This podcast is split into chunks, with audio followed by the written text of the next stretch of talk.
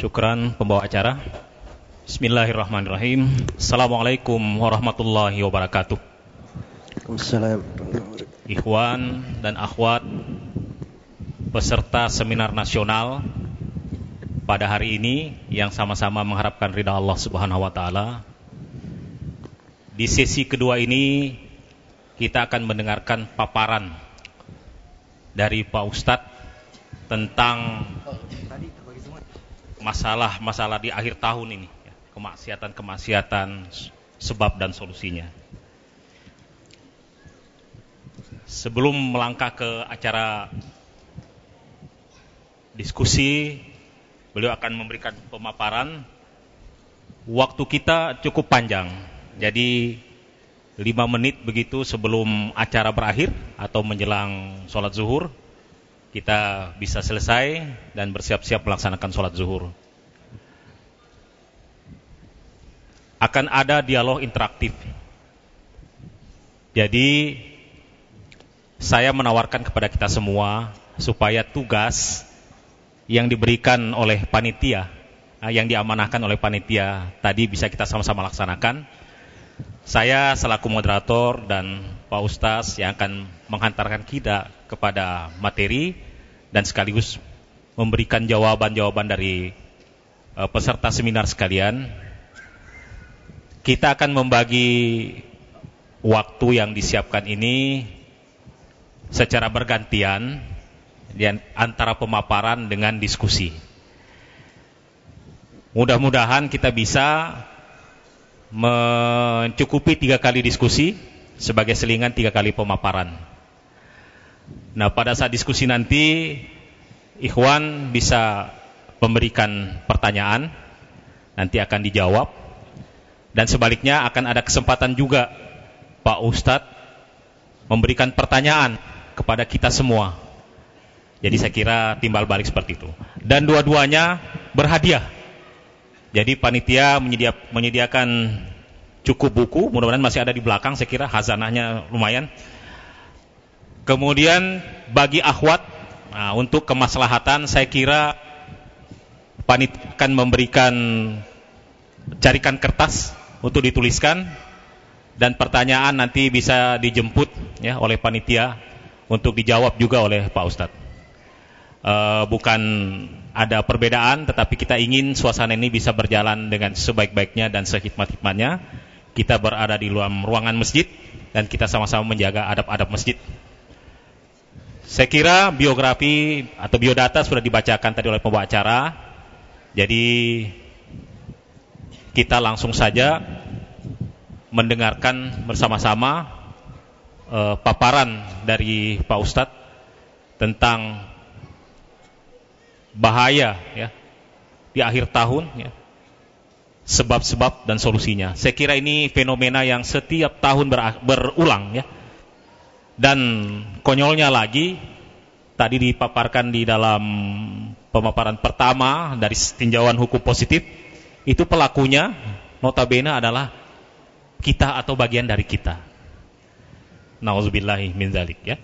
Kalau kita lihat ada postingan yang beredar itu, mereka malah bilang kami bisa tenang beribadah Pak, cukup umat Islam yang merayakan itu di jalan-jalan. Ah ini kan satu ironi sebenarnya ya satu ironi jadi. Nah, tadi di awal acara pembawa acara sudah menyampaikan dan kita memang ini kalau target panitia kita berkumpul ini kurang lebih seribu orang ya. Seribu orang ya. jadi kalau terdampak misalnya dua tiga orang bisa ditulari oleh dari kita yang hadir, sekurang-kurangnya akan ada dua ribu tiga dua ribu tiga ribu orang yang bisa merenungkan fenomena ini dan ada niat untuk tidak mengulangi. Ah, kita bisa mengurangi paling tidak 3000 orang terkurang tidak ikut turun di jalan. Tidak ikut turun merayakan sesuatu yang bukan bagian dari ritual ritual agama kita. Ini saya kira target kita perlu target ya. Jadi ada hasil yang kita peroleh setelah kita keluar dari tempat ini.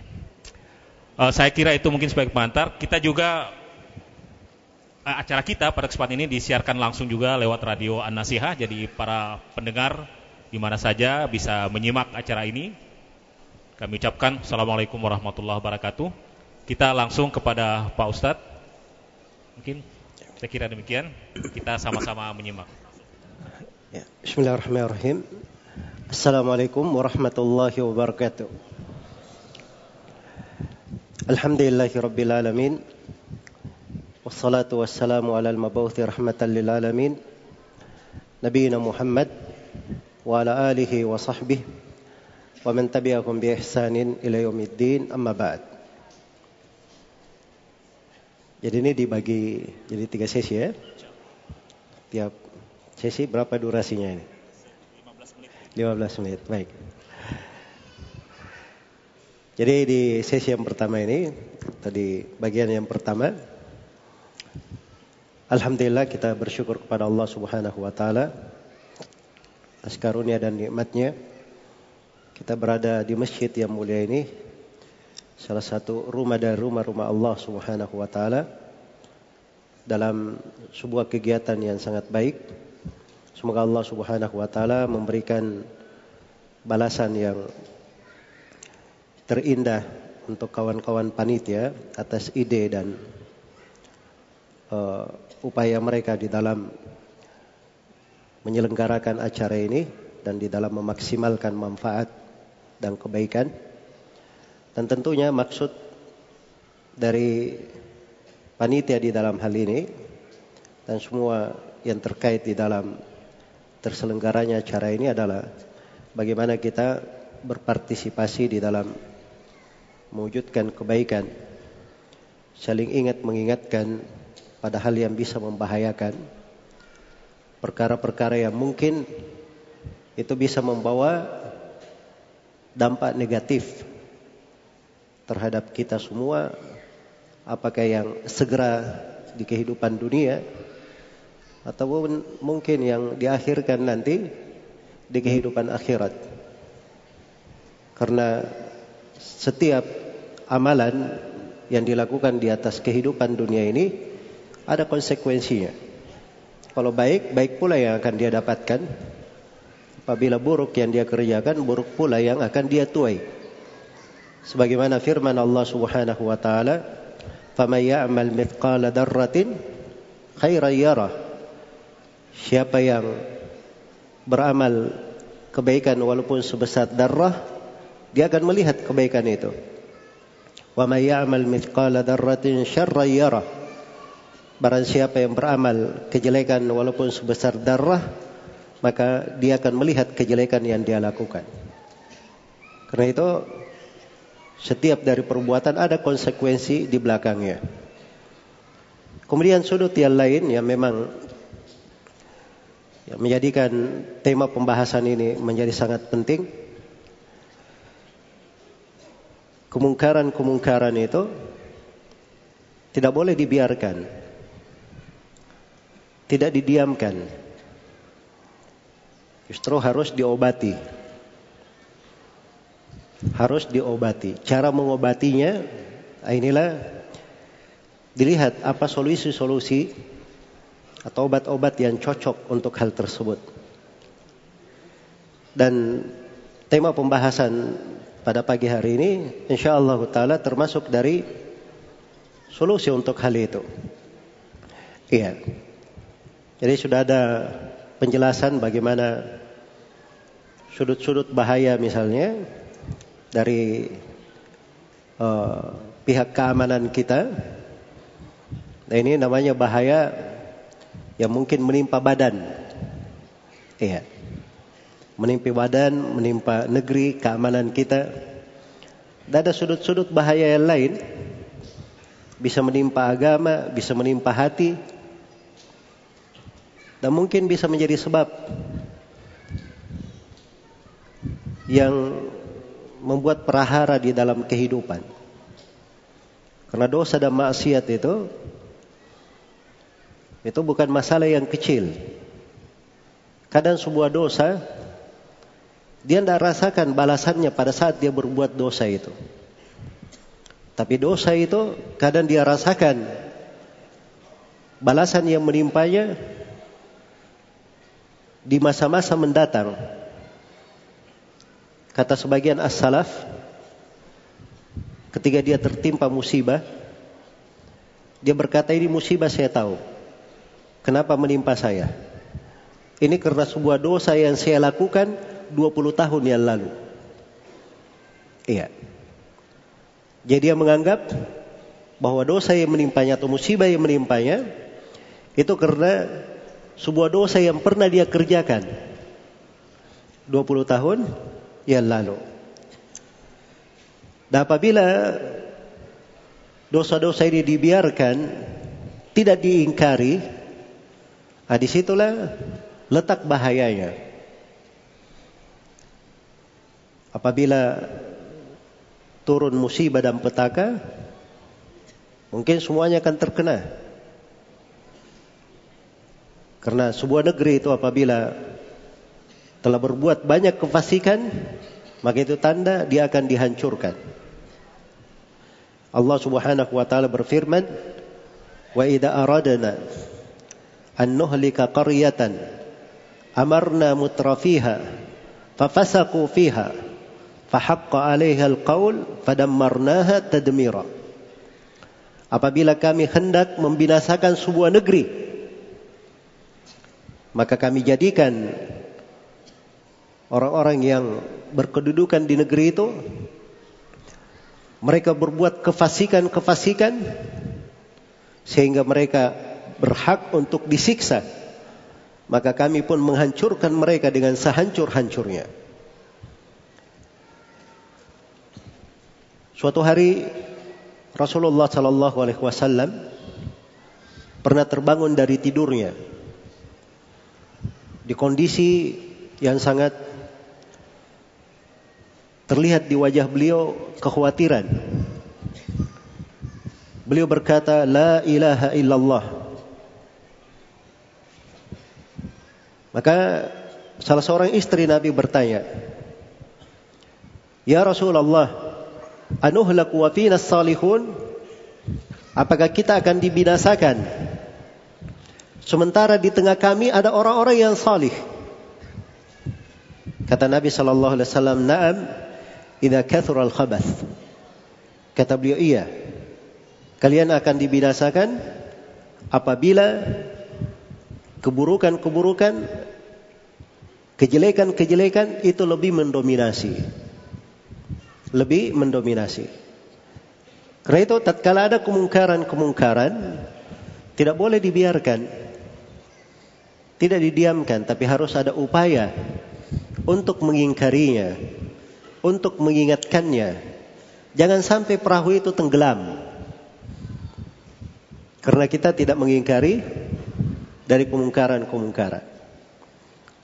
Karena itu Nabi Shallallahu Alaihi Wasallam membuat perumpamaan yang sangat indah, menggambarkan bagaimana urgensi amar ma'ruf nahi mungkar, saling memerintah pada hal yang ma'ruf, saling melarang dari kemungkaran. Beliau membahasakan umat Islam itu seperti orang-orang yang berdesak-desakan di sebuah perahu. Dari perahu ini karena berdesak-desakan, akhirnya ada yang dapat bagian di dalam perahu, ada yang dapat bagian di dek kapal di atas. Iya. Maka yang di dalam perahu ini, kalau mereka perlu air, mereka harus naik dulu ke atas. Terus menimba Kemudian setelah itu turun ke bawah. Maka suatu hari yang di dalam perahu ini mereka berkata, daripada kita mengganggu saudara-saudara kita yang di atas, kita berjalan melangkai orang banyak, mengganggu orang yang di atas, ya daripada kita mengganggu mereka, maka sebaiknya kita bocor aja dari dalam sedikit di sini supaya ada air keluar langsung dari dalam. Ini membocor perahu. Kata Nabi Shallallahu Alaihi Wasallam, kalau mereka biarkan orang yang di dalam perahu ini membocor perahu itu, mereka akan binasa semuanya. Tapi kalau mereka yang di atas melarang yang di bawah membocor perahu, mereka akan selamat semuanya. Nah, itulah amar ma'ruf nahi mungkar seperti itu. Ya kalau ada yang melakukan kemungkaran kita ambil tangannya, kita nasihati, maka itu diharapkan dari sebab yang menolak musibah dan malapetaka dari kita semua. Allah Subhanahu wa taala telah berfirman dalam Al-Qur'an, "Wa ma kana rabbuka liyuhlikal qura bidzulmin wa ahluha muslihun." Dan Rabbmu tidak akan pernah membinasakan sebuah negeri karena kezaliman yang mereka lakukan sepanjang penduduk negeri ini masih mengadakan perbaikan. Sepanjang penduduk negeri ini masih mengadakan perbaikan. Jadi kalau di penduduk negerinya ada orang yang mengingkari kemungkaran, walaupun pengingkaran kemungkaran ini lingkupnya terbatas misalnya, tidak mencakup semua orang, tapi dia berusaha mengingkari, maka diharapkan dengan usaha ini itu menjadi sebab kebaikan untuk semuanya.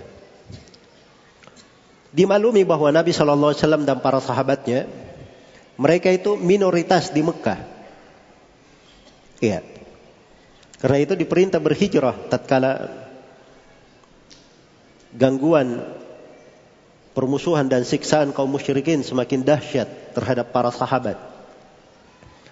Iya. Waktu itu kaum musyrikin berucap sebuah ucapan yang mengharuskan mereka mendapat siksaan. Sebab ucapannya itu menantang Allah. Mereka menantang Allah Subhanahu wa taala. Ucapan mereka disebutkan dalam Al-Qur'an di surah Al-Anfal. Allah Subhanahu wa taala berfirman, "Wa id qalu Allahumma in kana hadha huwal haqqu min 'indik, famtir 'alaina hijaratan minas sama'i wa bi'adabin alim." Ketika kaum musyrikin berkata, Ya Allah, kalau memang yang dibawa oleh Nabi Muhammad kebenaran dari sisi engkau, hujani kami batu dari langit. Dan datangkan siksaan yang pedih. Jadi mereka menantang Allah subhanahu wa ta'ala. Kalau agama Nabi Muhammad benar, turunkan hujan untuk kami dari langit. Eh, turunkan batu untuk kami dari langit. Datangkan siksaan yang pedih. Kalau memang agama Nabi Muhammad ini benar. Ini harusnya mereka sudah disiksa, sudah dihancurkan. Tapi mereka tidak dihancurkan. Kenapa? Disebutkan di ayat setelahnya. وَمَا كَانَ اللَّهُ لِيُؤَذِّبَهُمْ وَأَنْتَ فِيهِمْ وَمَا كَانَ اللَّهُ مُؤَذِّبَهُمْ وَهُمْ يَسْتَغْفِرُونَ Allah tidak akan menyiksa mereka wahai Nabi Muhammad sepanjang engkau masih di tengah mereka. Ini keberadaan Nabi jadi Mekah di tengah mereka itu menyebabkan tidak turun siksaan. Itulah tadi bahasa yang dipakai oleh istri Nabi itu. Apakah kita dibinasakan dan di tengah kami ada orang-orang salih? Iya. Jadi kalau seluruh yang hadir ini Masya Allah adalah orang-orang yang salih dan kita berharap seperti itu. Maka itu dari sebab keamanan sebuah negeri. Dan tidaklah Allah menyiksa mereka sepanjang engkau di tengah mereka dan tidaklah Allah menyiksa mereka sepanjang para sahabat masih beristighfar, masih memohon ampun kepada Allah Subhanahu wa taala. Maka paling tidak di antara kita ada orang yang sadar walaupun kita misalnya tidak bisa merubah kemungkaran ini, tapi kita sadar bahwa itu kemungkaran. Kita mengingkari dengan hati itu kemungkaran. Yang keliru karena kemungkaran ini terulang ya berada di mana-mana kadang menjadi sebuah kebiasaan. Kita masuk belanja saja ke pasar sana ke mall sana disambut oleh orang-orang nggak tahu kenapa dia pakaian aneh di akhir tahun. Kan begitu? Ya ikut kebiasaan-kebiasaan yang dia sendiri tidak pernah apa? Tidak pernah mengenalnya. ya jadi berada di mana-mana karena dia berada di mana-mana, kadang pengingkaran di dalam hati itu redup. Kadang hilang. Nah, kalau pengingkaran di dalam hati ini hilang, nah ini dari sebab datangnya kejelekan pada seorang hamba. Nasallallahu ala wassalama. Maka pengingkaran di dalam hati itu yang paling minimal. Harus ada di dalam hati. Nah, itu fungsinya kenapa kita harus membahas apa-apa yang keliru, ya apa sebab kekeliruannya, bagaimana solusinya, ya agar supaya makna ini tertanam di dalam diri kita. Dan itu bisa menjadi sebab keselamatan kita.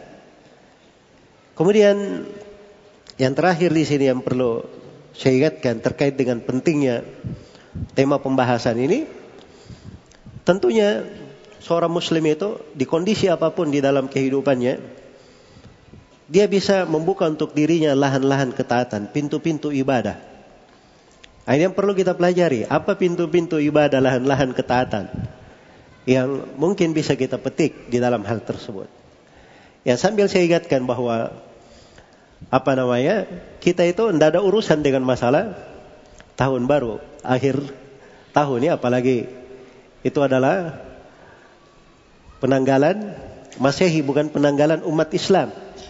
Akhir tahun Hijriah saja umat Islam itu tidak ada acara khusus yang bernama awal tahun Hijriah. Jelas ya? Umat Islam itu kelahiran nabinya saja mereka tidak ada acara khusus tentang hal itu. Tidak ada di dalam sunnah Nabi para sahabatnya dan para aima. Itu hanya datang di kalangan orang-orang belakangan saja yang juga ingin meniru-niru kebiasaan orang-orang Nasara dalam, melahir, dalam merayakan kelahiran Nabi Isa alaihi salam.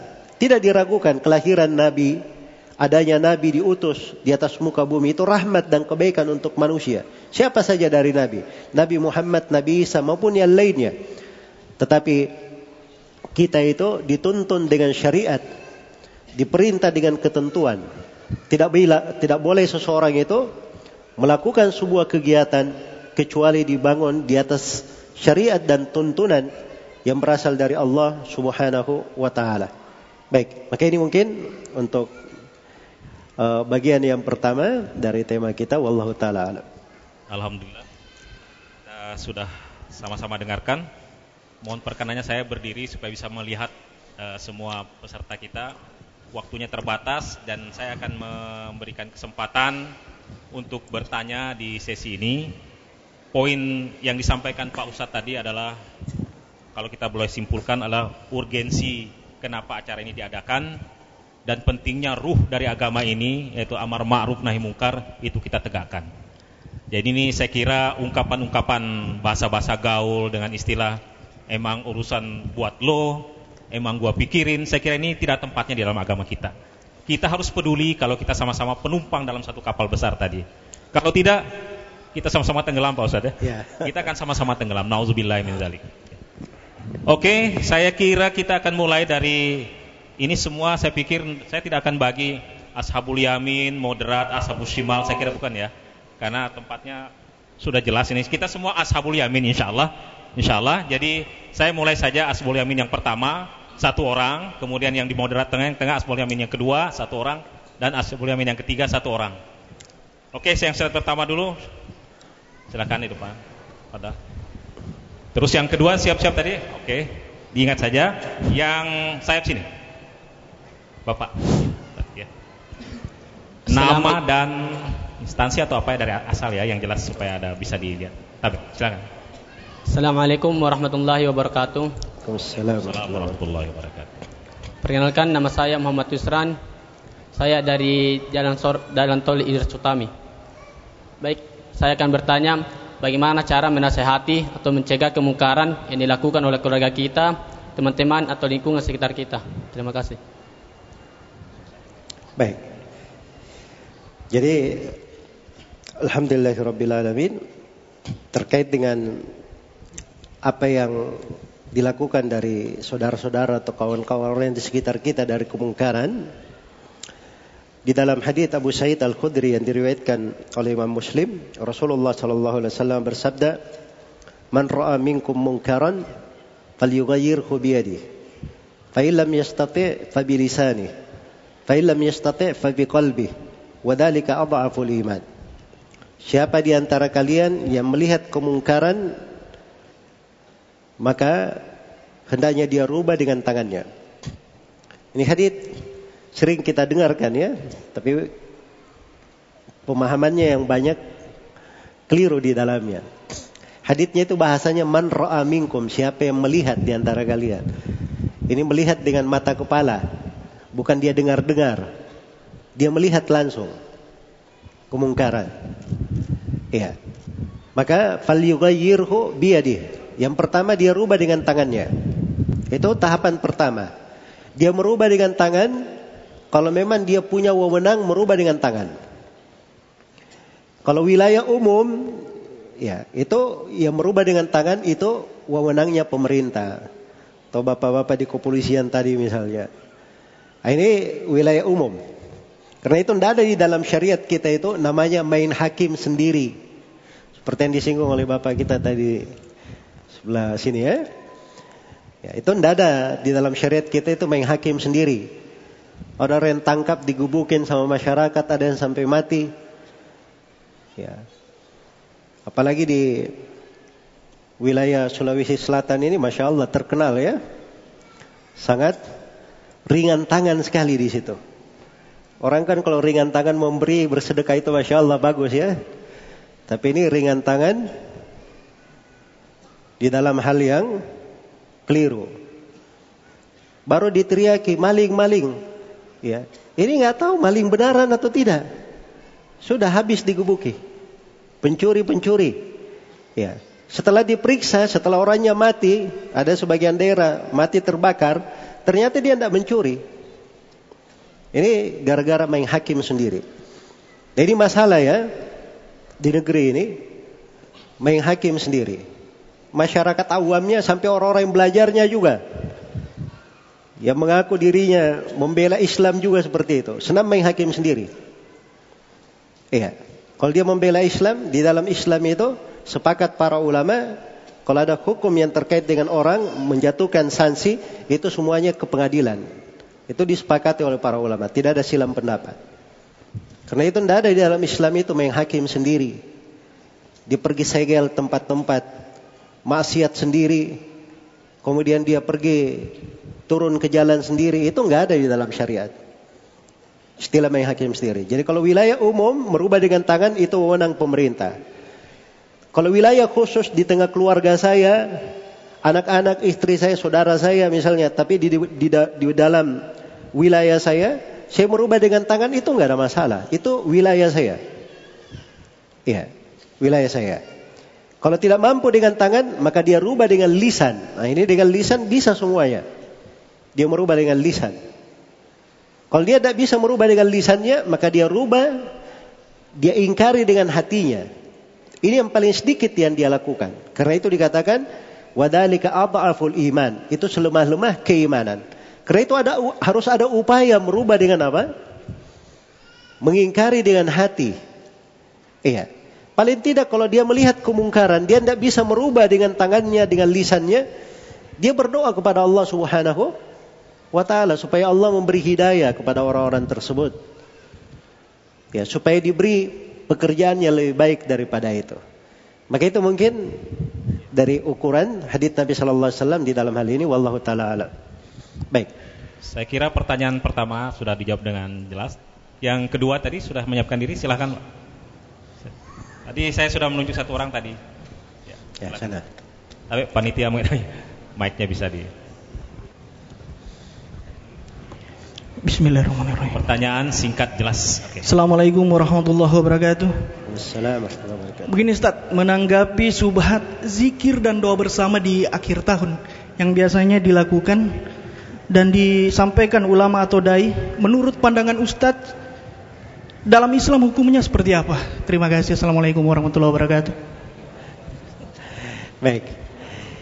Jadi uh, seorang itu ketika dia akan mengingkari kemungkaran, dia jangan jatuh kepada kemungkaran yang lain. Jelas ya? Jadi artinya kalau kita buat dikir, sholat tahajud bersama di akhir tahun, itu sama aja kita ikut merayakan namanya. Ya, cuma yang sana merayakannya dengan apa? Petasan di jalan dan seterusnya. Ini merayakannya dengan pengajian dan sholat. Jelas ya? Dan tidak ada di dalam syariat kita apa yang dinamakan dikir bersama di akhir tahun atau melakukan sholat tahajud bersama di akhir tahun atau pengajian di akhir tahun. Itu tidak ada. Ya, akhir tahunnya saja tidak dikenal dalam Islam akhir tahun Masehi. Ya. Baik itu sudut yang pertama. Sudut yang kedua, kita mengingkari terhadap orang-orang yang melakukan petasan dan seterusnya. Kenapa mengingkarinya? Karena ini mengganggu orang, ribut. Yang dikir bersama juga ribut-ribut juga. Pakai suara mikrofon untuk menyanyi orang petasan dia pakai suara mikrofon. Sama semuanya. Tetap saja kita di tengah malam tidak bisa tidur. Kan bersyirikat dalam mengganggu namanya. Iya. Dan itu tidak diperbolehkan. Karena itu kalau dia ingin berzikir, syariatnya sebagaimana dalam hadis Abu Sa'id Al-Khudri riwayat Abu Daud, Rasulullah sallallahu alaihi wasallam bersabda, "Ala kullukum munajin rabba, fala yajharanna ba'dukum ala ba'din fil qira'ah." Ketahuilah bahwa setiap dari kalian bermunajat kepada Robnya. Maka jangan sekali-sekali sebagian di antara kalian mengangkat suaranya di atas sebagian yang lain. Jelas ya? Karena itu solusinya apa? Solusinya tinggal di rumah. Iya. Itu solusi. Untuk semua fitnah seperti itu. Diriwayatkan oleh Imam Tirmidzi dari Uqbah bin Amir Al-Juhani radhiyallahu taala anhu. Beliau bertanya kepada Nabi sallallahu alaihi wasallam, "Ya Rasulullah, man najah?" Wahai Rasulullah, apakah jalan keselamatan? Kata beliau, "Amsik alaika lisanak." Jaga lisan kamu wal yasa'ka baituk dan hendaknya rumahmu menjadi lapang bagimu.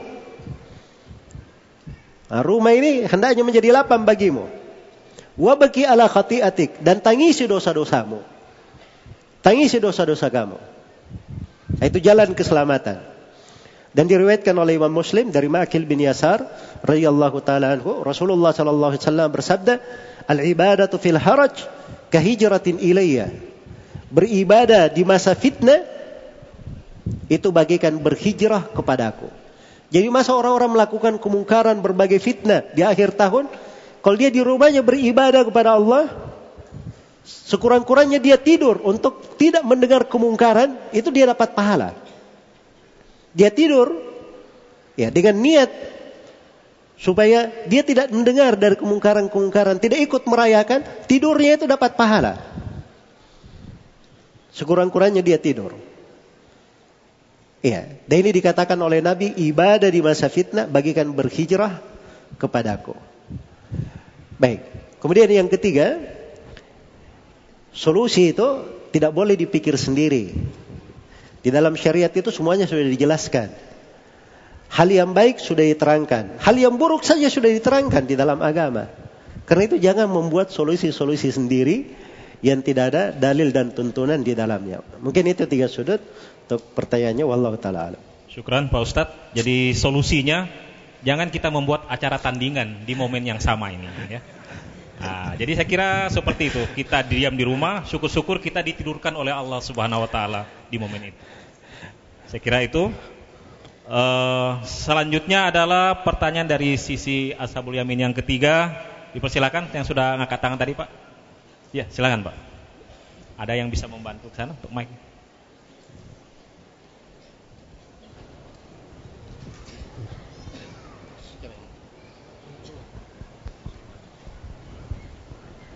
Jadi bismillahirrahmanirrahim. Assalamualaikum warahmatullahi wabarakatuh. Assalamualaikum warahmatullahi wabarakatuh. Jazakallah khairan atas kesempatan yang diberikan. E, pertanyaan saya masih terkait tentang kemungkaran-kemungkaran yang terjadi di akhir tahun. Kalau tadi sudah disebutkan tingkatan-tingkatan dalam e, dalam kemungkaran baik secara lisan, hati dan perbuatan, yang ingin saya tanyakan Adakah metode metode metode yang diajarkan para ulama bagaimana e, bentuk-bentuk dalam e, mengingkari berbagai kemungkaran selain dari tingkatan-tingkatan yang disebutkan tadi atau cara-cara yang harus kita lakukan di dalam mengingkari e, kemungkaran-kemungkaran Ustaz. Jazakallahu khairan. Ya, Masya Allah ini pertanyaan apa namanya perlu ceramah tersendiri. Ya.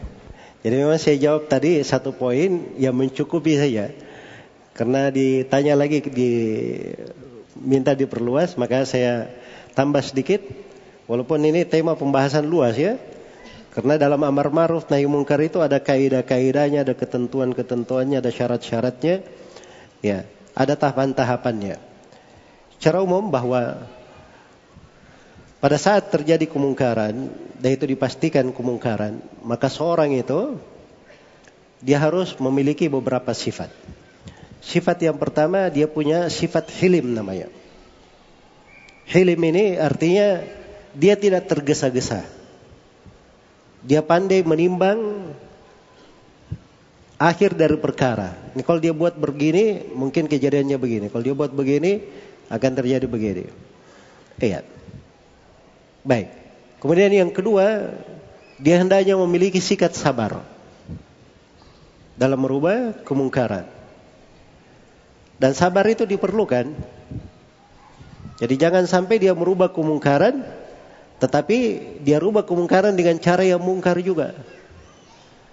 Iya. Eh, tidak boleh bakar-bakar petasan ribut-ribut saya. Tapi dia rubah dengan cara berantem dengan orang tersebut. Nah, ini tidak benar ya. Ya. Atau ada yang bakar petasan kepada dia, dia balik bakar juga, lempar ke dia. Ya. Nah, ini harus ada kesabaran. Kemudian yang ketiga, pada orang yang merubah kemungkaran, dia harusnya memiliki hikmah. Memiliki sifat hikmah.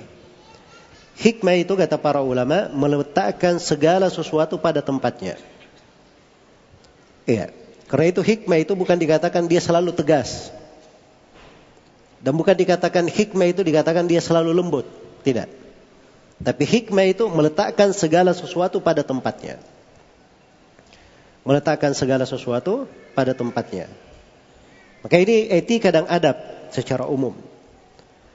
Dijaga sambil seorang itu memelihara keikhlasan sebab ikhlasnya ini berpengaruh sekali di dalam apa yang dia lakukan.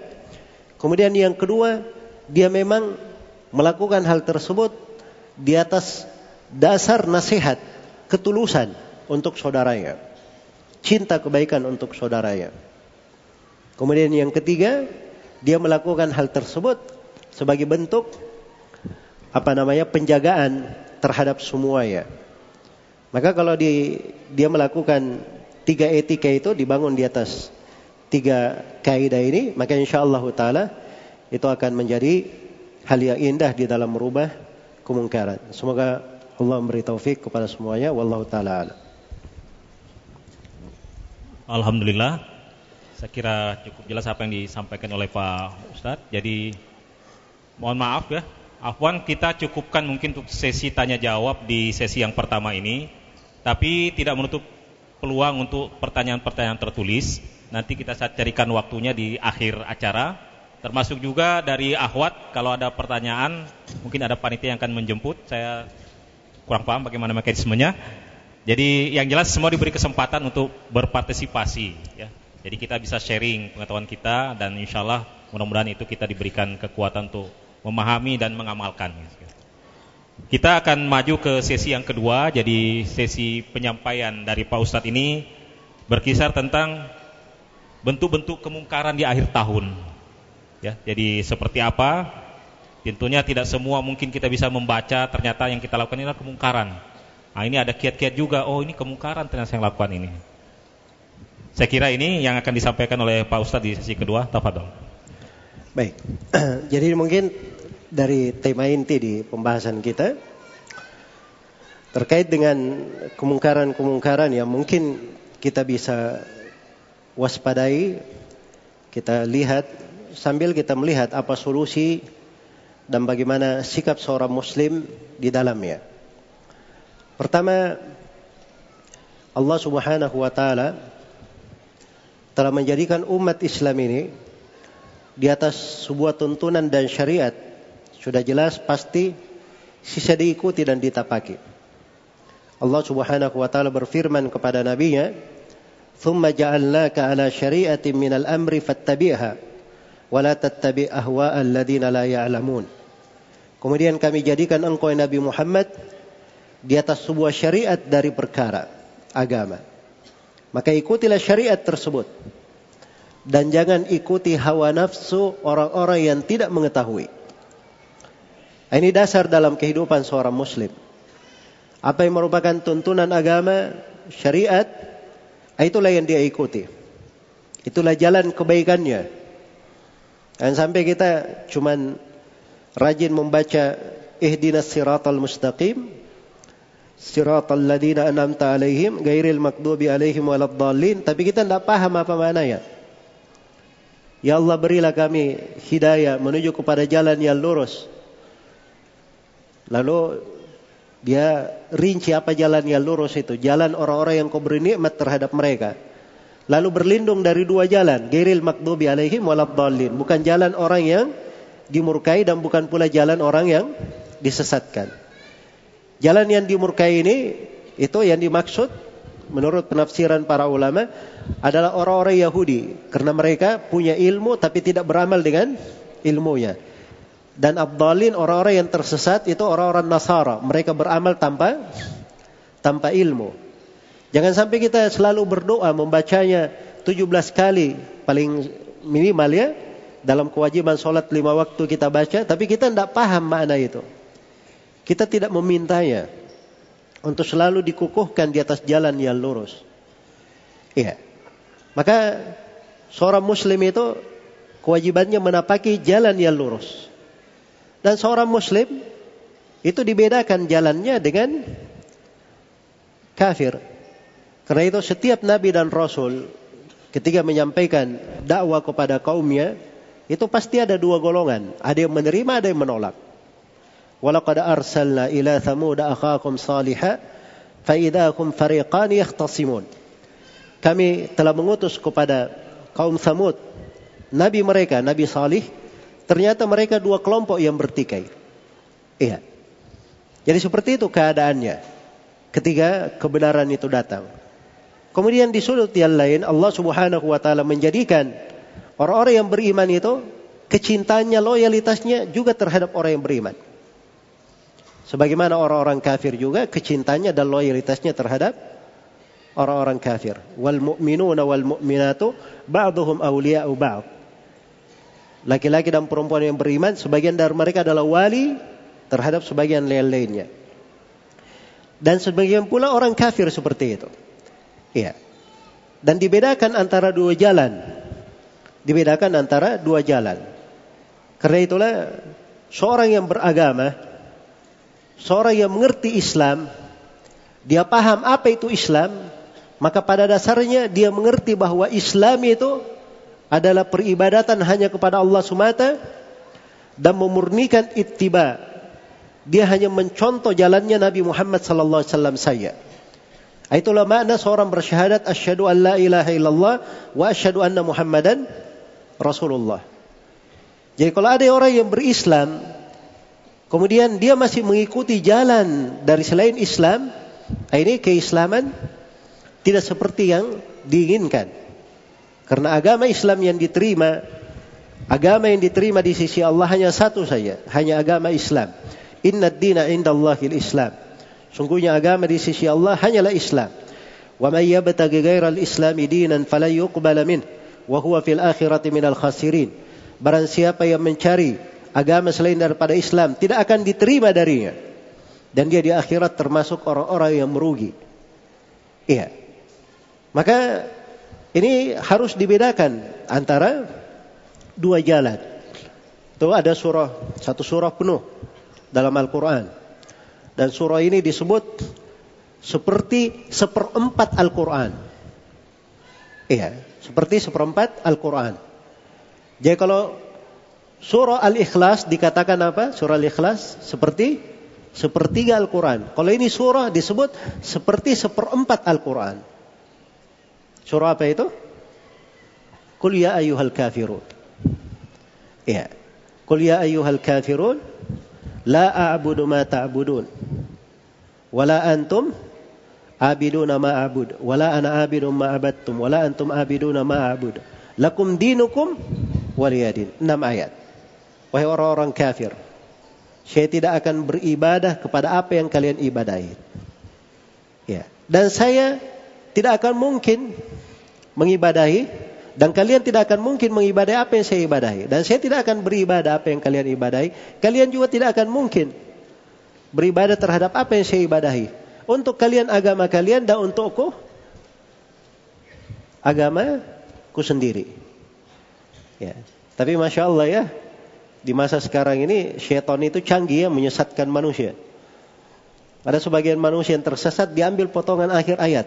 Lakum dinukum waliyadin. Nah, ini menunjukkan agama itu semuanya sama. Kamu boleh menganut agama kalian, ya saya juga menganut agama kalian, agama saya sendiri.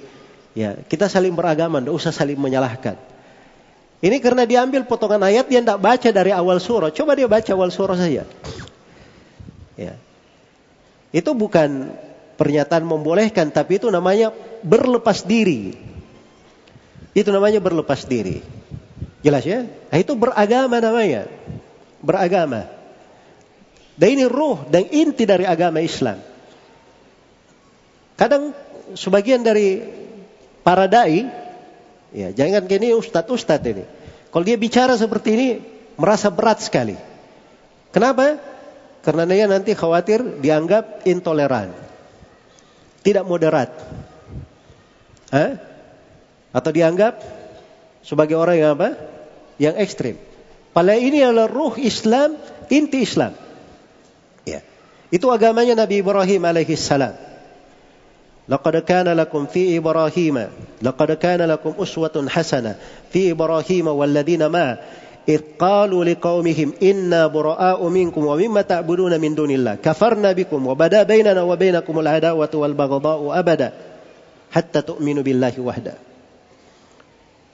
telah ada suri toladan yang baik untuk kalian pada Nabi Ibrahim dan orang-orang yang beriman bersamanya ketika mereka menyatakan sesungguhnya kami berlepas diri dari kalian dan apa yang kalian ibadahi selain daripada Allah. Kami kafir terhadap kalian. Dan telah tampak permusuhan dan kebencian antara kami dan kalian. Selama-lamanya sampai kalian beriman kepada Allah semata. Itu agama Nabi Ibrahim. Dan itulah agama Nabi Muhammad sallallahu alaihi wasallam. Ya Allah telah perintah kepada nabinya, "Tsumma auhayna ilaika an ittabi' millata Ibrahim hanifa wa ma kana minal musyrikin." Kemudian kami wahyukan kepada engkau ya Nabi Muhammad supaya mengikuti agama Nabi Ibrahim yang lurus. Dan Nabi Ibrahim itu sama sekali tidak tergolong dari orang-orang yang berbuat kesyirikan. Jadi ini keyakinan masalah agama. Jangan dicampur adukkan dengan masalah dunia. Iya. Ini orang-orang yang mencampur adukkan sampai mengatakan semua agama sama, sampai dia tidak tahu ruh Islam itu, bahwa Islam itu la ilaha illallah artinya dia kafir terhadap segala yang diibadahi selain daripada Allah, berlepas diri dari segala yang diibadahi selain daripada Allah. Kenapa dia tidak memahami ini? Tidak terikat dengan hal tersebut karena dia khawatir nanti. Kalau dia berkeyakinan seperti itu, dia dianggap memusuhi orang yang lain. Nanti dia tinggal di dalam negeri ini katanya dia tidak bersahabat dengan penganut agama yang lain. Itu pemahaman yang keliru.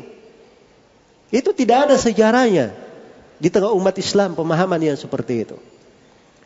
Itu ruh Islam, agama di dalam Al-Quran dan hadis itu yang dibawa oleh Nabi. Berlepas diri dari kaum musyrikin, orang-orang kafir. Tapi bersamaan dengan itu, ketika hidup di dalam sebuah negeri bersama tiga kabilah Yahudi di Medina, Orang-orang Yahudi tenang bersama Nabi. Dapat kedamaian dan keadilan. Iya. Karena memang Islam menegakkan keadilan. Dan Islam adalah agama yang mengharamkan segala bentuk kezaliman. Sekecil apa pun kezaliman itu. Walaupun terhadap non-muslim sekalipun. Tidak boleh ada perbuatan kezaliman dalam Islam.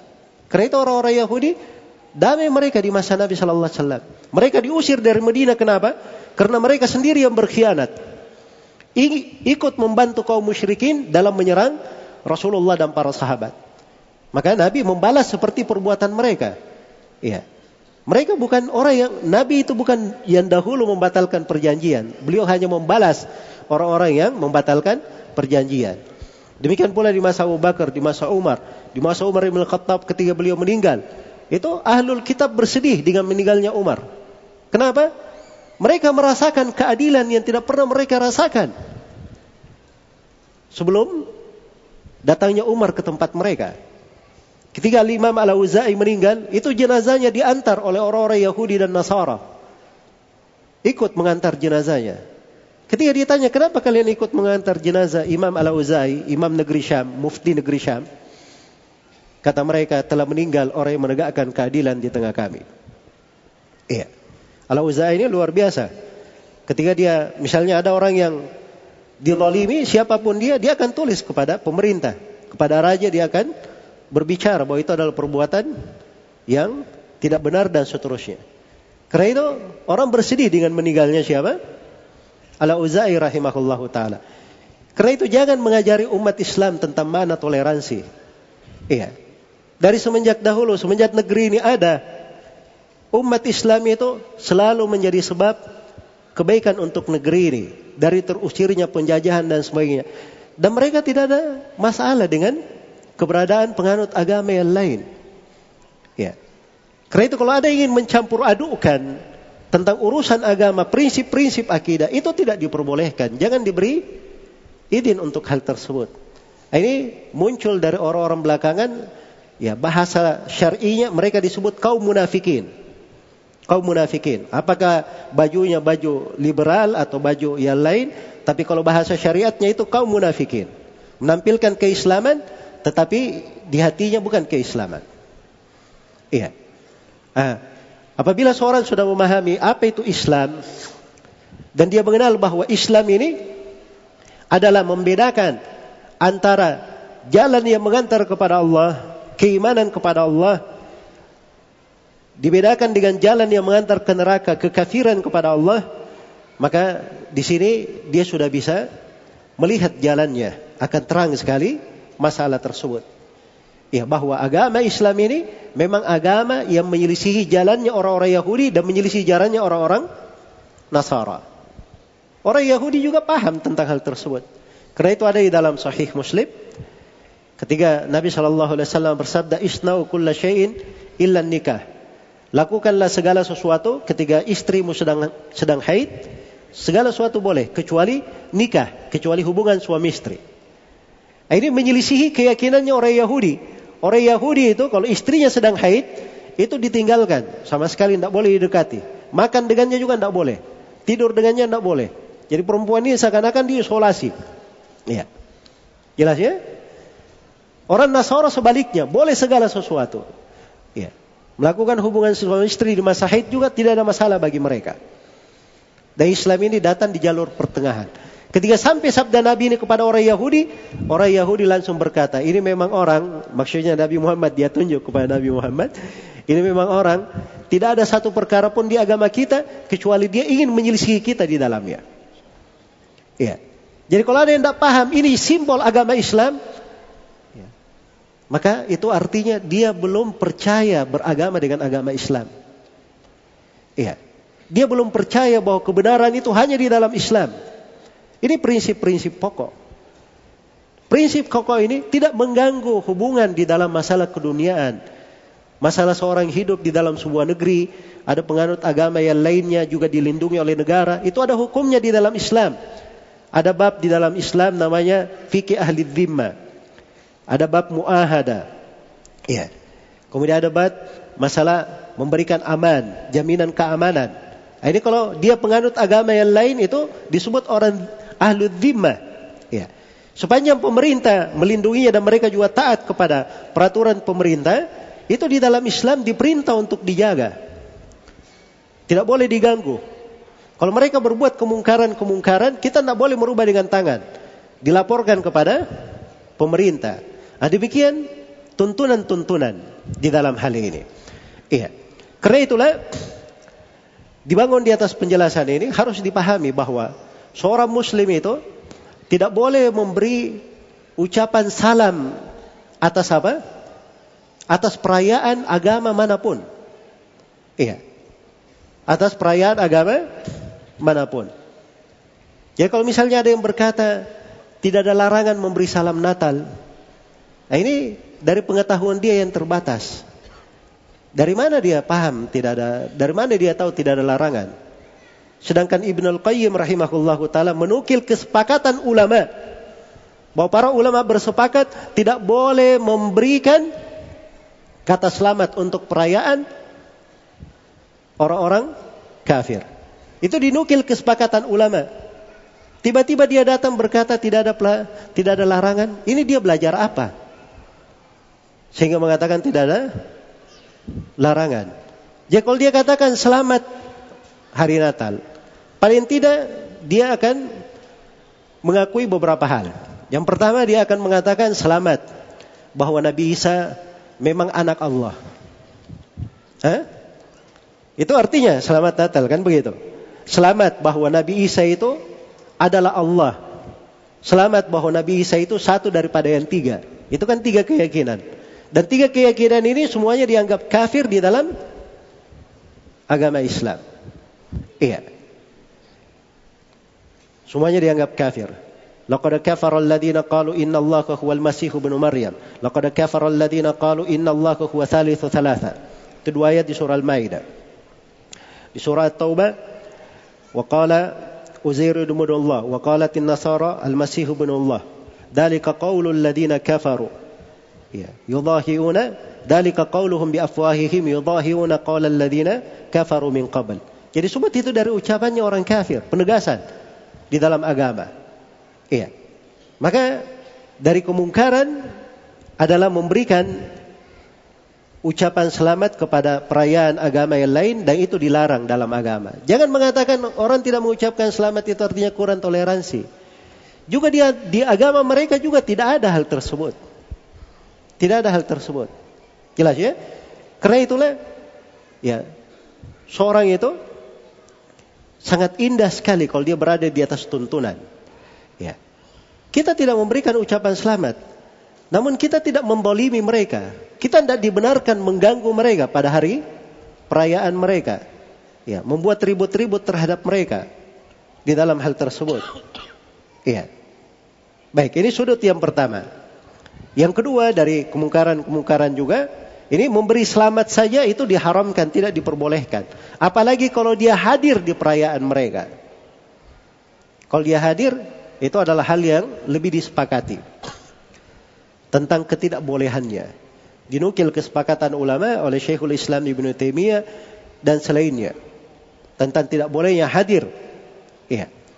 Karena itu dari kekeliruan yang besar, kadang sebagian orang ini apalagi di masa-masa seperti ini, ya, dia tidak memandang tempat, datang ke mana saya, ya memberikan diundang untuk acara datang saya. Padahal ini harus dibedakan antara sesuatu yang merupakan kaitan dengan agama dia dan sesuatu yang bersifat apa? Bersifat urusan dunia dia. Kalau ada hal yang terkait dengan agamanya maka itu harus dirapikan dan diperbaiki. Kemudian di antara kemungkaran juga ya adanya penetapan kalender selain daripada kalender Hijriah. Nah, ini bagi umat Islam ya, mereka di dalam penanggalan mereka hanya kenal apa? Penanggalan Islam saya. Karena itu kalau dikatakan tahun baru dan seterusnya ini tahun baru siapa? Ya. Nah ini mungkin judul yang dibuat oleh panitia di sini. Ini judul bukan pembenaran terhadap tahun baru itu, tapi ini membahas tentang kenyataan dan kejadian yang terjadi yang kita sedang obati. Jelas ya? Baik. Jadi ikut di dalam merayakan hal tersebut itu jelas masuk di dalam pelanggaran-pelanggaran syariat. Demikian pula di antara kemungkaran-kemungkaran ya adanya di akhir tahun baru itu dari berbagai kemungkaran yang sudah dipastikan. Seperti di akhir tahun baru itu narkoba lebih merajalela. Miras itu dianggap hal yang biasa. Dan ini dari perbuatan-perbuatan dosa. Ya. Kemudian seperti yang disinggung tadi oleh Bapak dari kepolisian, ya bercampur baur laki-laki perempuan akhirnya terjadi tindakan-tindakan asusila dan sebagainya. Ya. Ini semuanya dari kemungkaran-kemungkaran yang besar di dalam agama. Tapi yang menjadi masalah di belakangan ini dosa-dosa itu itu dianggap remeh oleh banyak manusia. Itu yang menjadi masalah. Dosa besar pun dianggap ringan padahal para sahabat di masa dahulu dosa kecil itu sudah mereka anggap sangat besar sekali Kata Anas bin Malik radhiyallahu taala anhu, "Innakum lata'maluna amalan hiya adaqqu fi ayunikum min asy-sya'r wa in kunna la na'udduha ala ahdi Rasulillah sallallahu alaihi wasallam min al-mubiqat." Kata Anas, kalian Ini Anas menunjuk kepada para tabiin di masanya. Murid-murid para sahabat. Kalian melakukan amalan-amalan. Amalan ini di mata kalian lebih tipis daripada rambut. Tapi kami menanggapi amalan yang seperti ini di masa Nabi itu dari hal-hal yang membinasakan. Hal-hal yang menghancurkan.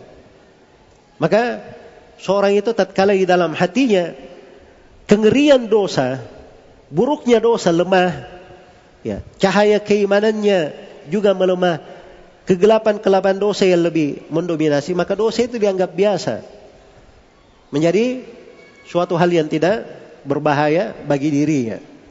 Kemudian di antara kemungkaran-kemungkaran juga adalah bentuk mengganggu manusia. Tidak boleh mengganggu siapa pun. Rasulullah Shallallahu Alaihi Wasallam bersabda, "Man dayyaqa manzilan, atau qata'a tariqan, atau ada mu'minan, fala jihadalah." Barang siapa yang mempersempit tempat singgah orang, barang siapa yang memutus jalan orang, dan barang siapa yang mengganggu seorang mukmin, maka tidak ada jihad bagi dia. Iya. Ini dia mengganggu jalan orang. Memutus jalan orang.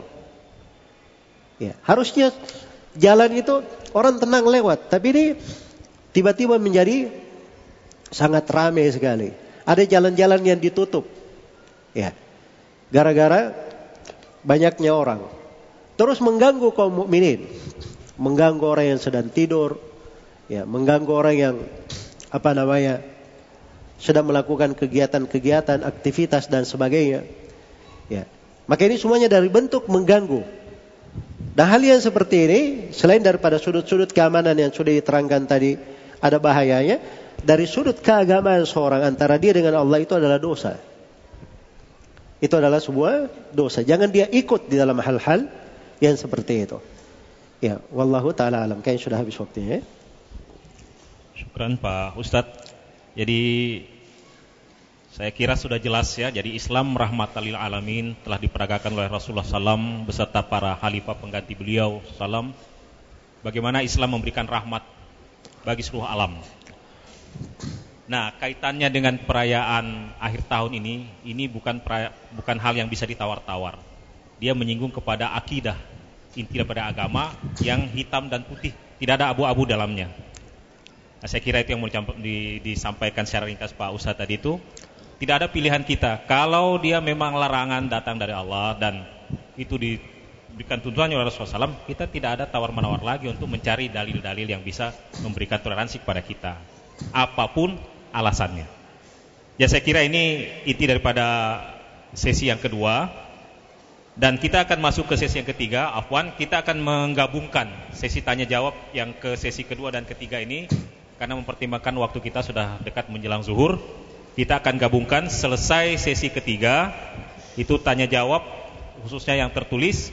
Dan kemudian akan ada kuis juga. Jadi berbalik Pak Ustadz akan menjawab eh, akan bertanya kepada uh, ikhwan dan akhwat sekalian ya tentang apa saja yang menyangkut dengan masalah yang kita diskusikan sekarang. Nah, pada sesi yang ketiga ini Pak Ustadz akan memaparkan kepada kita kalau begitu kita berbuat apa di akhir tahun ini? Apa yang harus kita buat? Nah, ini lahan-lahan ketaatan kepada Allah SWT itu ternyata terbentang luas. Nah, kita akan dengarkan paparan beliau e, seperti apa kita harus bersikap. Tafadhal Pak Ustaz. Baik.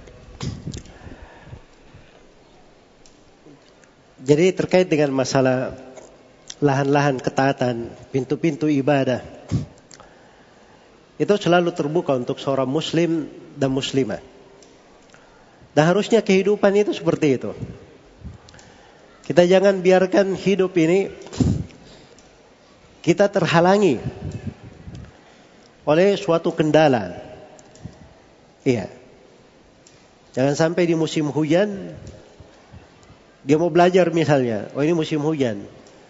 Ya, repot nanti. Terlalu banyak hujan. Begitu musim hujan sudah pergi ganti musim panas, wah ini saya keluar suhunya panas, mengganggu nanti. Ya. Kalau yang di sebagian wilayah punya musim semi, ya, oh ini musim semi, jarang-jarang lewat ini. Biar nanti belajarnya selepas musim semi aja. Hah? Datang musim gugur, nah begitu juga. Kapan dia mau belajar? Ini satu bentuk ketaatan ya dalam bentuk belajar. Sama dengan ibadah seperti itu.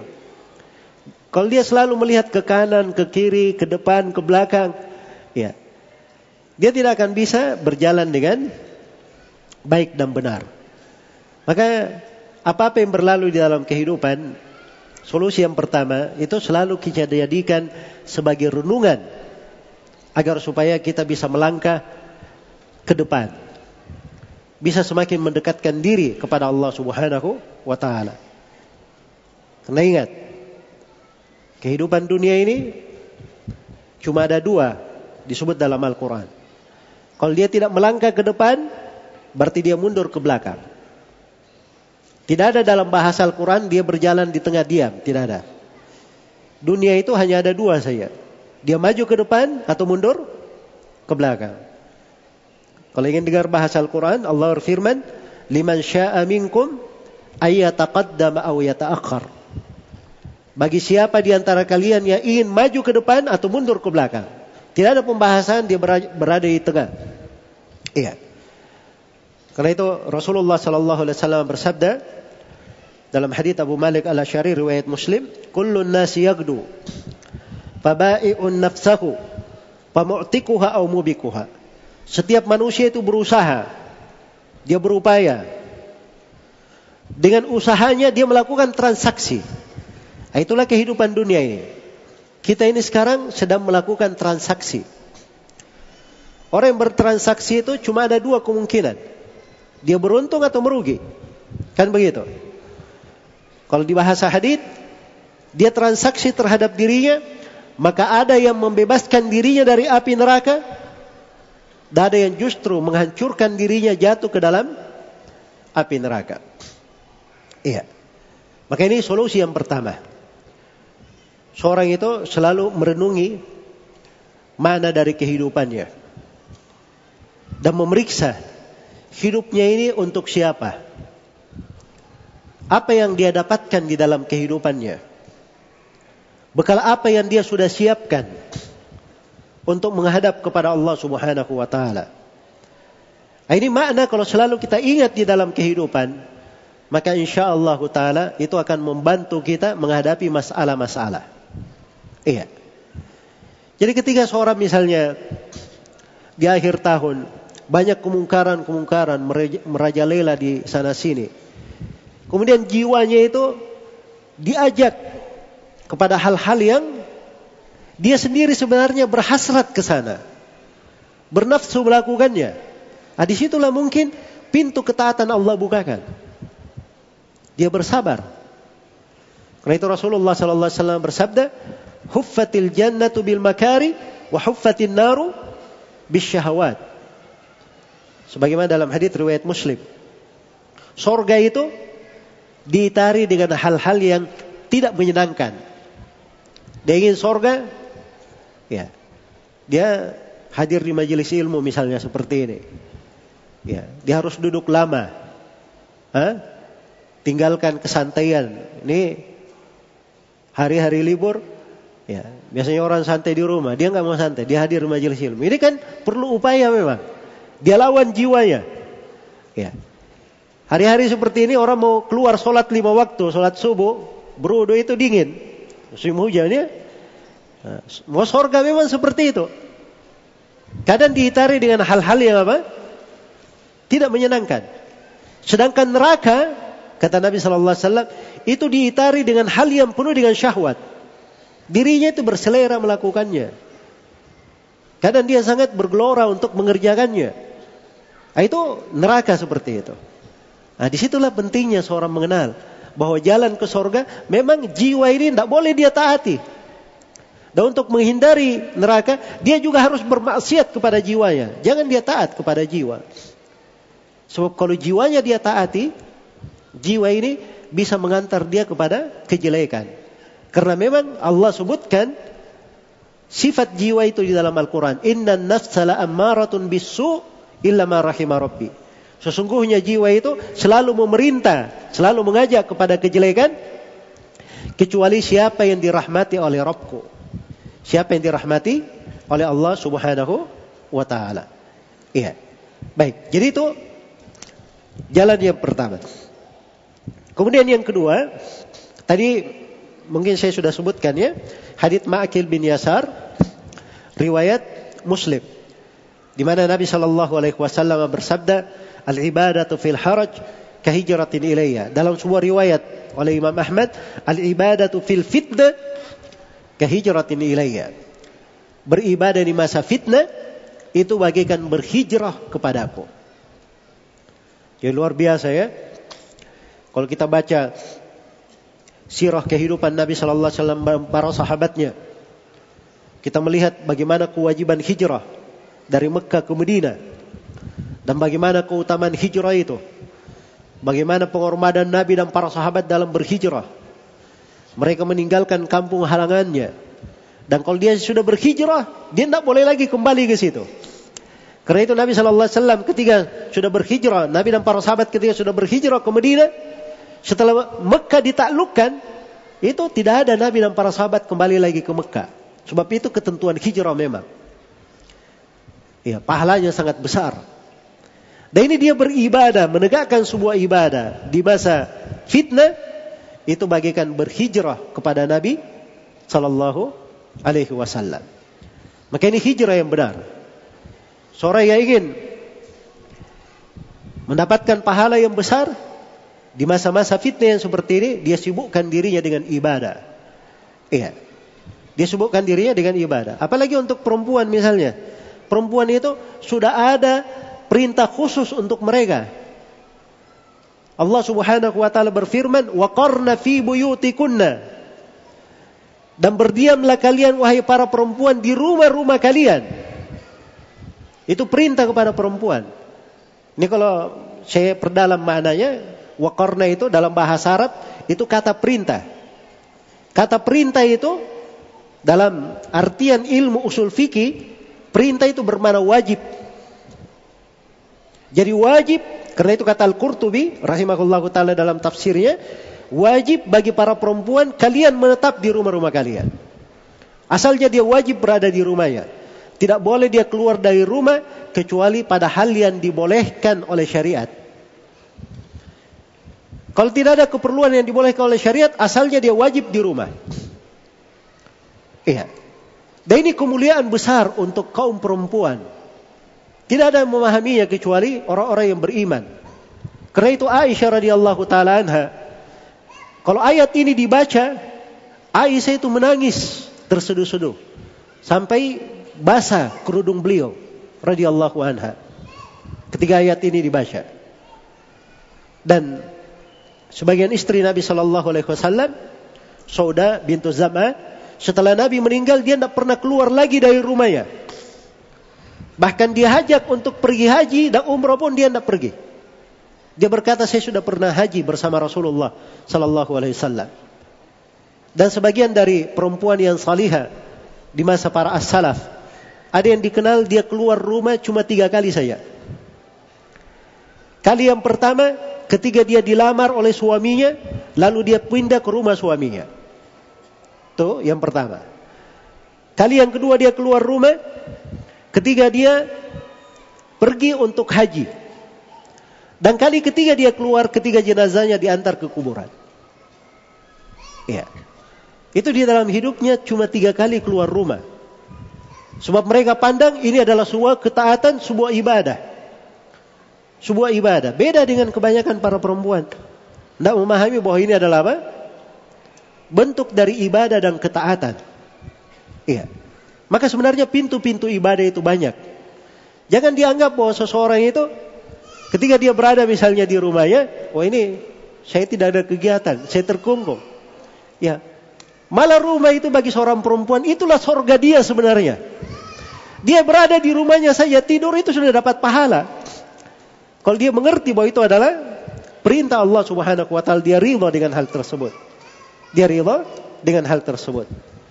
Kemudian yang ketiga, di antara pintu-pintu ibadah, seorang itu memperbanyak taubat dan beristighfar kepada Allah Subhanahu wa taala.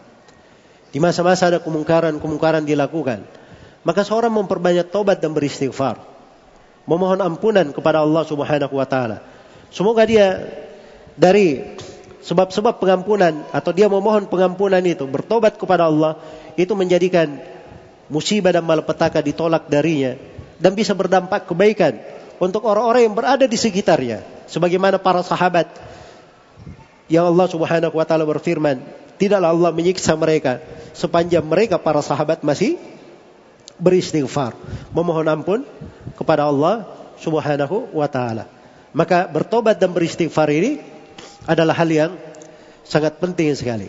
Kemudian yang terakhir mungkin dari pintu ketaatan yang bisa dibuka untuk seorang muslim dan muslimah adalah dia selalu menghadirkan di dalam dirinya bagaimana keagungan negeri akhirat. Ya. Agar supaya kegelapan-kegelapan dunia itu bisa sirna dari dadanya. Kalau keagungan negeri akhirat ini terang benderang di dalam hatinya, bercahaya dengan sangat terang, maka insya Allah taala itu akan membukakan untuknya berbagai pintu-pintu ibadah, akan membuat dirinya semakin cepat melangkah, semakin dekat kepada Allah Subhanahu wa taala. Wallahu taala alam. Baik.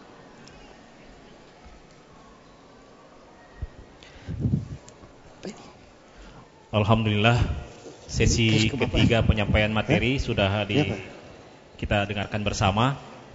Jadi tidak ikutnya kita larut di dalam fenomena akhir tahun ini tidak membuat kita mati kutu ya, macam tidak ada kegiatan gitu. Bete ya. Ngapain jadi ini tahun berlalu nih? Ternyata Pak Ustadz tadi sudah membentangkan kepada kita begitu banyak lahan-lahan ibadah yang dihamparkan bagi kita semua. Nah ini kita sudah ketahui, kita coba pahami dan insya Allah kita siap amalkan. Hadirin, ikhwan, ikhwah, pendengar radio An-Nasihah yang sama dimuliakan Allah Subhanahu wa taala. Pada sesi ini kita utamakan dulu untuk memberikan kesempatan kepada Pak Ustadz menanya, bertanya atau kuis ya kalau dari hadiah buku ini saya lihat ada tiga kesempatan. Itu bagaimana Pak? Ada tiga saya lihat di sini. Apa tiga tiga kuis dilontarkan nanti? Iya, uh, untuk peserta yang bisa menjawab dengan benar, insya Allah kita akan berikan uh, sepasang buku. Alhamdulillah. Insya Allah. Sepasang buku. Jadi ada dua buku.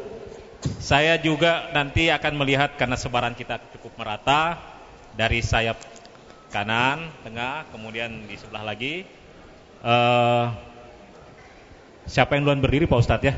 Atau ya. bagaimana nanti kita akan lontarkan? Saya pikir semua bisa menjawab kalau kita sudah semua menyimak apa yang disampaikan Pak Ustadz tadi. Jadi masalahnya adalah siapa yang kesempatan angkat tangan dan ditunjuk menjawab dengan benar akan mendapatkan uh, dua buah buku, sepasang buku dari Pak Ustadz. Baik ini Saya kira itu ya. Pertanyaan untuk berapa orang? Pertanyaan untuk tiga orang Pak Ustadz. Untuk tiga orang. Jadi ya. kita akan bagi mungkin dari kesempatan sini ada kesempatan untuk menjawab, kemudian di tengah dan di sebelah kanan saya juga. Saya kira begitu. Kalau kita setujui supaya dapat kesempatan, saya akan beri waktu ini sepenuhnya kepada Pak Ustadz. Karena nanti setelah kuis ini di depan Pak Ustadz ini sudah tersedia pertanyaan-pertanyaan tertulis kita serahkan sepenuhnya kepada beliau untuk menseleksi untuk dijawab. Saya kira sampai menjelang zuhur mungkin belum terjawab semua. Kita menerima apa yang uh, menjadi putuskan oleh beliau ya. Saya kira seperti itu. Tafadhal Pak Ustadz, kita mulai dengan kuis barangkali. Sampai. Baik. Pertanyaan yang pertama.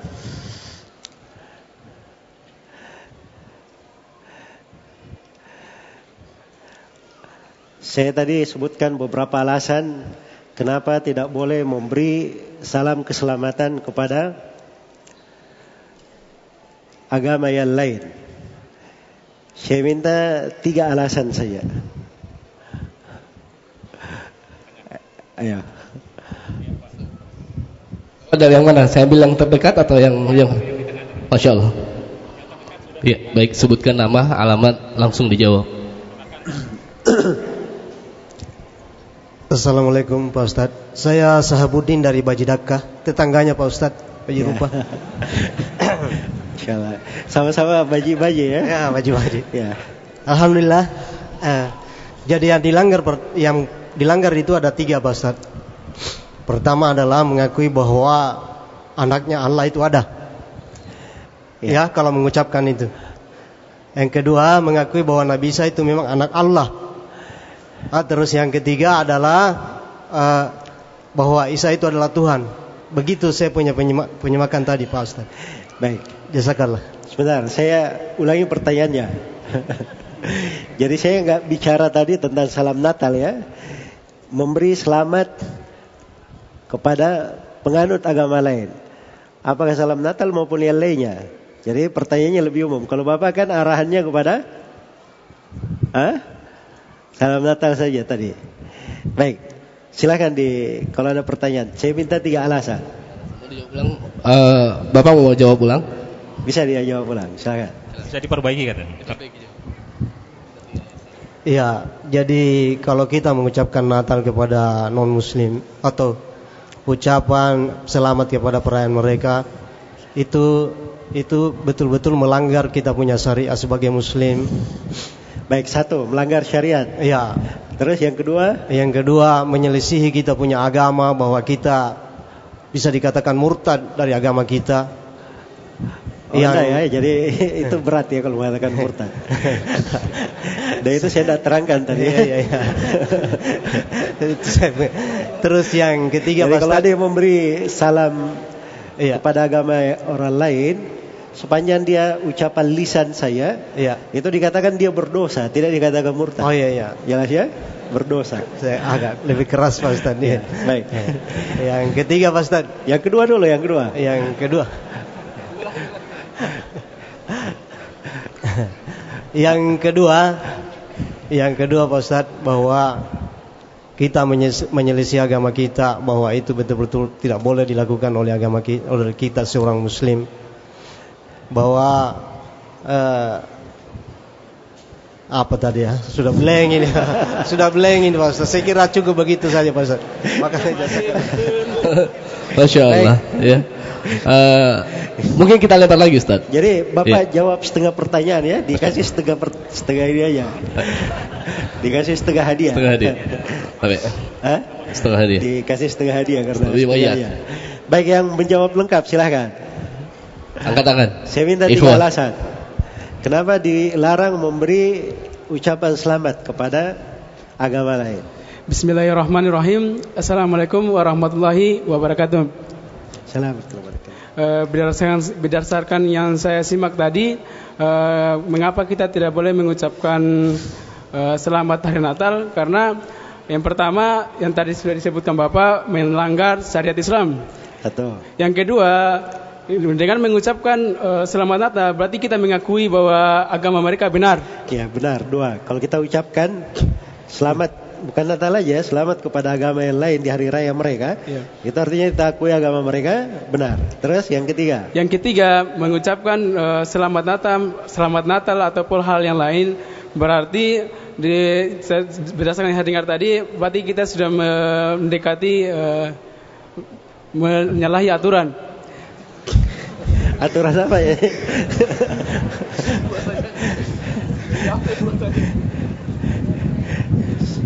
Sudah dekat tadi, sudah dekat. Betul, uh, aturan apa? Um, kita mendekati kekafiran. Bukan kekafiran ya, ya. jadi jangan saya tadi mengatakan di, dibedakan ya antara mengucapkan selamat nah itu bahaya ya, bisa berdosa. Hadir itu lebih besar lagi dosanya. Ya kalau dia kafir kapan? Itu kalau dia ridho dengan agama mereka senang dengan agama mereka, nah itu masuk di dalam dihitung ke, ke, bersama mereka. Wa may yatawallahum minkum fa innahu minhum. Siapa yang loyalitas kepada mereka, maka dia termasuk dari mereka. Yang ketiga sebenarnya tadi ada satu. Kan kalau dalil itu ada Al-Quran, ada Sunnah, ada apa lagi satu? Nah, ini satu tadi yang saya mau ingatkan. Baik. Silakan kita lihat yang lain. Dipilih yang lain. Iya. Silakan. Langsung di, nama langsung dijawab. Assalamualaikum warahmatullahi wabarakatuh. Nama saya Zulfikar dari Anteng. Yang pertama menyelisih syariat, yang kedua eh, dengan mengucapkan selamat kepada eh, apa? non muslim artinya kita mengakui. Ketiga dalam hadis ketika kita menyerupai suatu agama ikut dalam berpartisipasi artinya kita juga bagian dari agama tersebut. Baik, itu saya terangkan di kaidah umum ya bahwa agama ini apa namanya datang untuk menyelisih orang-orang kafir, mukhalafatu al-kuffar. Tapi ada yang keempat tadi yang sebenarnya yang penting bahwa itu adalah hal yang menyelisih kesepakatan para ulama. Jelas ya? Ini sekarang kan selalu ada orang-orang yang menganggap dirinya ditokohkan, alim lah, menganggap tidak ada dalil. Siapa bilang tidak ada dalil? Hah? Itu menyelisihi kesepakatan para ulama. Cuma dia tidak tahu saja siapa dalil. Baik. Baik. Pertanyaan terakhir? Pertanyaan terakhir Ustaz. Pertanyaan yang terakhir. Sebutkan tiga kiat atau tiga pintu ketaatan yang bisa dilakukan di kondisi uh, apa namanya dalam tanda petik ya akhir tahun seperti ini. Oke. Yang di tengah ini, eh, adik-adik ya, ya. Cuma di tidak diberikan tadi. Hah? Ya, Bapak tadi.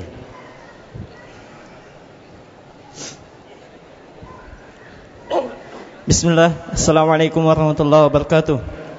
Assalamualaikum warahmatullahi wabarakatuh. Di antara pintu ketaatan ketika kita berada di akhir tahun orang-orang kufar yang pertama adalah tinggal di rumah, tidak keluar dan merayakan acara-acara yang mungkar.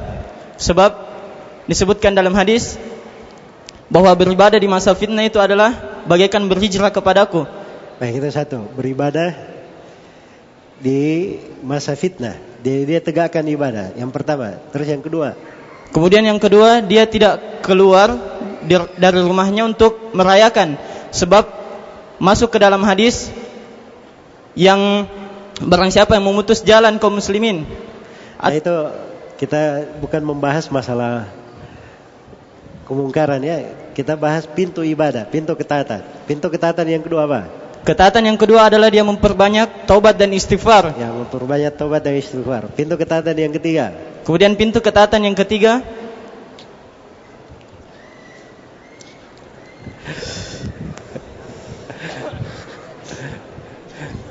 Wajah katakan ini.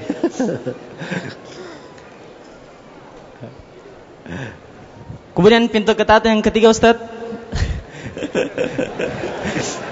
Ini dapat bantuan ya, jangan sampai dapat bantuan dari kanan kiri.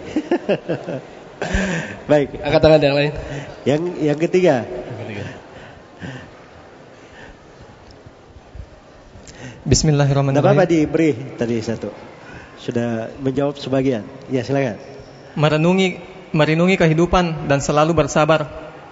Baik, dia merenungi arti dari kehidupan supaya kehidupan ini dia buat semakin menjadi baik. Ya itu mungkin yang bisa ditanyakan wallahu taala. Baik. Selesai waktunya ya. ya.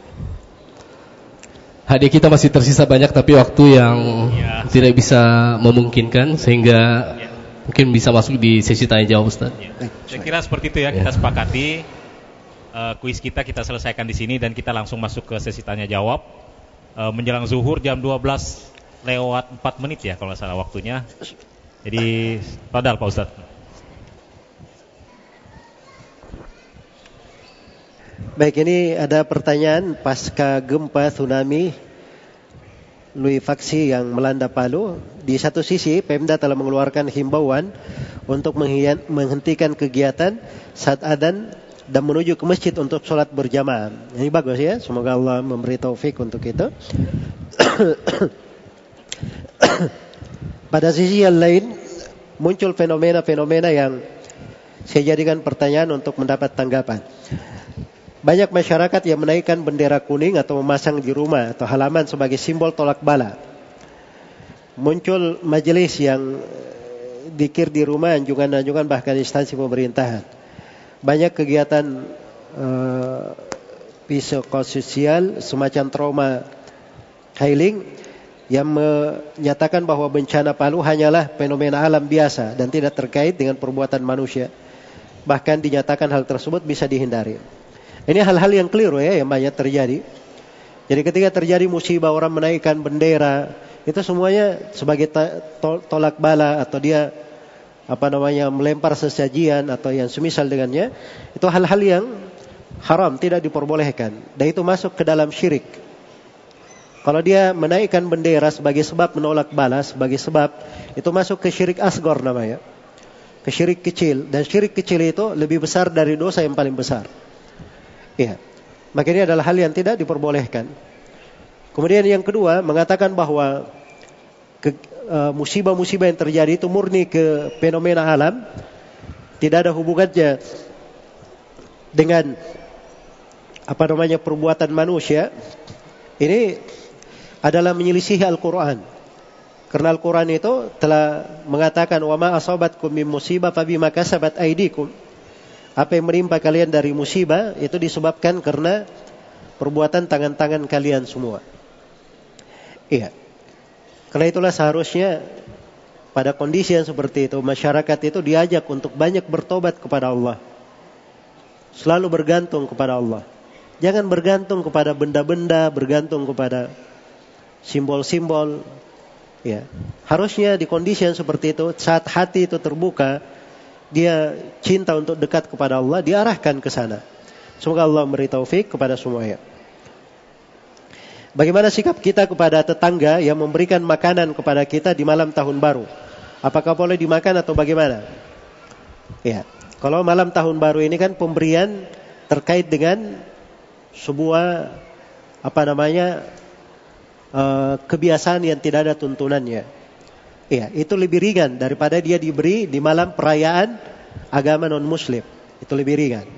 Tapi pada dua kondisi ini itu sebaiknya tidak diterima. Iya, sebaiknya tidak diterima walaupun ada dua pendapat di kalangan ulama di dalam hal ini. Ya wallahu taala alam. Ya, dan sebagian ulama ada yang membolehkan kalau yang diterima itu bukan dari jenis makanan. Hah?